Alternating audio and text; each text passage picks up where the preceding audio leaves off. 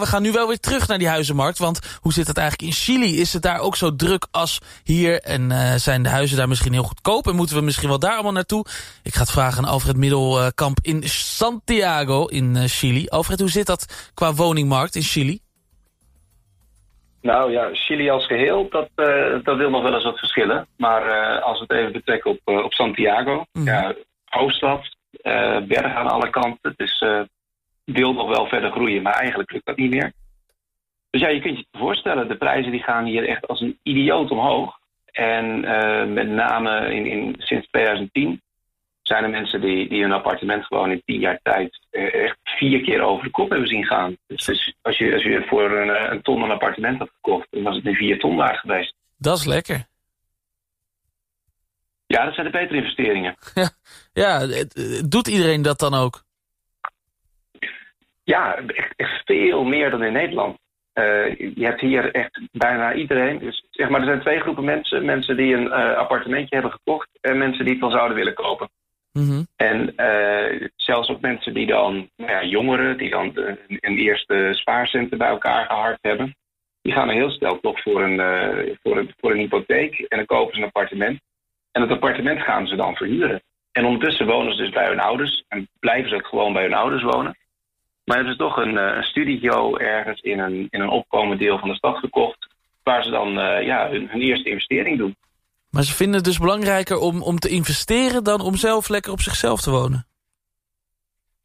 Ja, blijkbaar. Ik begrijp het zelf ook niet. Zou ik zeggen, als jij een studiootje hebt, ga er lekker wonen. Of, ja. uh, of spaar even door dat je iets groters kan kopen en verhuur een kamer. Maar uh, nou ja, moet ik zeggen, de, de gemiddelde Chileen is ook wel iets meer op de familie dan de, dan de gemiddelde Nederlander. Mm. Maar uh, ja, het, het schijnt heel, heel mooi te zijn. En het gaat ook een stuk sneller. Je kunt ook echt wel hier appartementjes kopen en ze bijvoorbeeld twee jaar later weer van de hand doen voor, uh, voor 30% meer.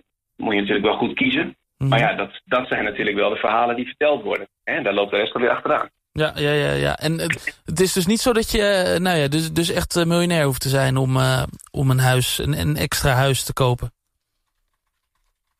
Nee, nee, zolang je hier maar, uh, ik geloof dat het 10% was en toen 20% werd. En ondertussen valt het wel weer een beetje mee. Maar in ieder geval die eerste zoveel procent, die moet je op tafel leggen. En daarna dan kun je voor de rest wel een, uh, wel een hypotheek krijgen. Ja, precies. Nou ja, en aangezien alle panden toch in waarde doorstijgen, dan, uh, ja, dan wil een bank ook wel doen. Wat kost dan een, een, een huis of een appartement ongeveer in Santiago? Ja, dat, dat hangt echt ontzettend van de buurt af. En, en, wij zitten hier uh, behoorlijk aan de bovenkant van het midden. Maar het kan nog veel gekker. Uh, ik denk dat je, ja, voor, voor 70.000 euro kun je wel een appartement hebben. En dan zit je dus eigenlijk op die, op die beste plekken. Dus bijvoorbeeld aan de randen van het centrum, waar dan de buurt net nu een beetje, een beetje beter wordt, waar alle nieuwe panden neergezet worden. Ja. Nou ja, als je hier zit, dan zit je al ruim boven het dubbele.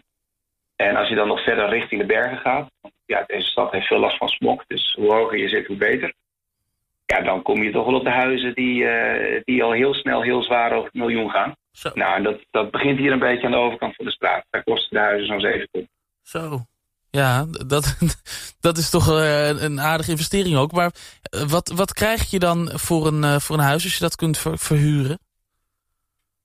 Dat hou je ja, er dus wel uit. Je, ik, ik zou zeggen dat als je, als je hier echt iets leuks wil hebben... dan kun je toch eigenlijk wel beter in een appartement zitten. Want, want wij hebben hier een prima appartement. en dan heb je ook in het gebouw nog een, nog een zwembad op het dak zitten... En, en, een, en een mooie buitenruimte. Maar als je hier de huizen ziet, met name de nieuwbouw... dan zit je dus eigenlijk al aan de overkant van de, van de eerste bergketen. Mm -hmm. Dan heb je een tolweg waar je dagelijks overheen moet. En elke keer, al je boodschappen, wat dan ook, moet je daar overheen. En dan ben je weer 10 euro armer, heen en terug. En dan staan dan allemaal prachtige vrijstaande huizen. Maar die zijn ten eerste allemaal hetzelfde. Dus, dus je moet echt je huisnummer onthouden, anders vind je je huis nooit meer terug. Ja. En formeel zijn dat vrijstaande huizen. Maar ja, de, de, de dakgoten die raken elkaar zo'n beetje. En, en zoveel tuin zit er ook weer niet omheen. Dus ja, of dat nou echt zoveel beter is. Ja. Ja, en um, deze week was het nieuws in, in Nederland dat Airbnb in bepaalde wijken verboden uh, wordt. Hebben ze daar in Santiago ook zo'n last van? Nou, iets, iets minder. Maar je merkt nu wel dat het een beetje begint te gebeuren. Uh, ik, heb mijn ouders hier regelmatig op bezoek. En die, die hebben dan een appartementje bij een Duitse mevrouw die hier ooit is, in Chili is terechtgekomen. Die had een huis in Duitsland verkocht en die heeft er vier appartementen teruggekocht. Die ging ze dan verhuren. Ja, dat, dat lijkt een hele goede handel te zijn om dat gewoon per dag te verhuren. Want ja, nou ja, je, je weet dus wat het ongeveer kost, 70.000 euro. En je kunt dat vrij gemakkelijk toch wel voor een euro of 70 per dag verhuren. Hm. Dus ja, dat gaat hard. Ja. En de eerste keer dat mijn ouders daar waren, hebben ze, ehm, moesten ze nog ergens heen om de sleutel op te halen. En, en nu zei die mevrouw, nou ja, ik zit daar zelf wel hoor. Want die had ondertussen al 23 appartementen in het plan. Oh. En die had dus eh, van een van die appartementen dan maar een kantoortje gemaakt. en, en dan zie je wel, kijk, voor dat gebouw, dat is gewoon klaar. Dat is binnenkort helemaal van die gebouw, dus dat, eh, dat zal wel goed komen. Maar bijvoorbeeld hier bij ons in het pand, daar, daar staat sinds nou, een week of drie... staat er een groot bord bij de receptie met... eh, dit is een, eh, een, een woongebouw, geen hotel. Ja. Dus er zit, zit blijkbaar toch wel een beetje, een beetje irritatie in. En, nou, misschien vooral bij de conciërges die constant alle vragen moeten beantwoorden. Maar eh, het begint hier wel te komen. Ja, en, en die Duitse vrouw, dat is dus eigenlijk een, een soort van huisjesmelker, zouden wij dan in Nederland zeggen. Ja, ja, al is het dus wel zo dat hier de, de negatieve eh, connotatie die daaromheen hangt, die, die is er hier helemaal niet. Eh, ik, ik heb ook gevraagd van, goh, is daar dan een woord voor in het Spaans? Nou ja, dat is er niet. Degene die appartementen heeft, die noem je eigenaar, dueño. En, eh, en meer is het niet. En als jij eh, in plaats van één appartementje er vijf hebt of iets dergelijks, dan, dan zijn mensen onder de indruk. Dan heb je het hartstikke goed gedaan. Hm. En, en daar daar hoor je geen negatief woord over. Nee, nee. Ehm, verder een groot verschil eh, met de Nederlandse en de Chileense woningmarkt is, eh, is de borg. Vertel eens, hoe, wat, wat is daar zo raar mee in Chili? Ja, kijk, wij, wij huren hier gewoon. En eh, wij zijn ook al een keer overgestapt van appartement. En ja, natuurlijk heb je wat mensen om je heen die je daar dan gevraagd en ongevraagd allemaal adviezen over geven. Maar hier is het zo, je, je huurt en natuurlijk net zoals in Nederland betaal je dan een maand borg. En formeel is het in Nederland ook zo dat je het pand dan achter moet laten zoals je het aangetroffen hebt. Maar in de praktijk, die nieuwe huurder wil het ook wel heel graag in. Dus als je elkaar eens goed in de ogen kijkt, die zegt van, goh, als jij nu de gordijnen overneemt en ik verf de muren niet, is dat oké? Nou, dan rolt het allemaal wel door. Mhm. En hier is dat toch wel iets anders. Eh, En dat heeft dus vooral mee te maken dat eh, je hebt dan die, die, die maand borg staan. Laten we zeggen dat dat eh 1000 euro is voor echt een mooi appartement. Dan gaat, als, je, als jij eruit gaat, dan gaat die, eh, die eigenaar van het pand, die gaat het hele pand door. En die gaat dan allemaal dingen verzinnen die die, eh, die, die wil verbeteren. Plekje op de muur, een, eh, een plintje wat los zit. we moesten dit helemaal overschilderen, we moesten dat schoonmaken.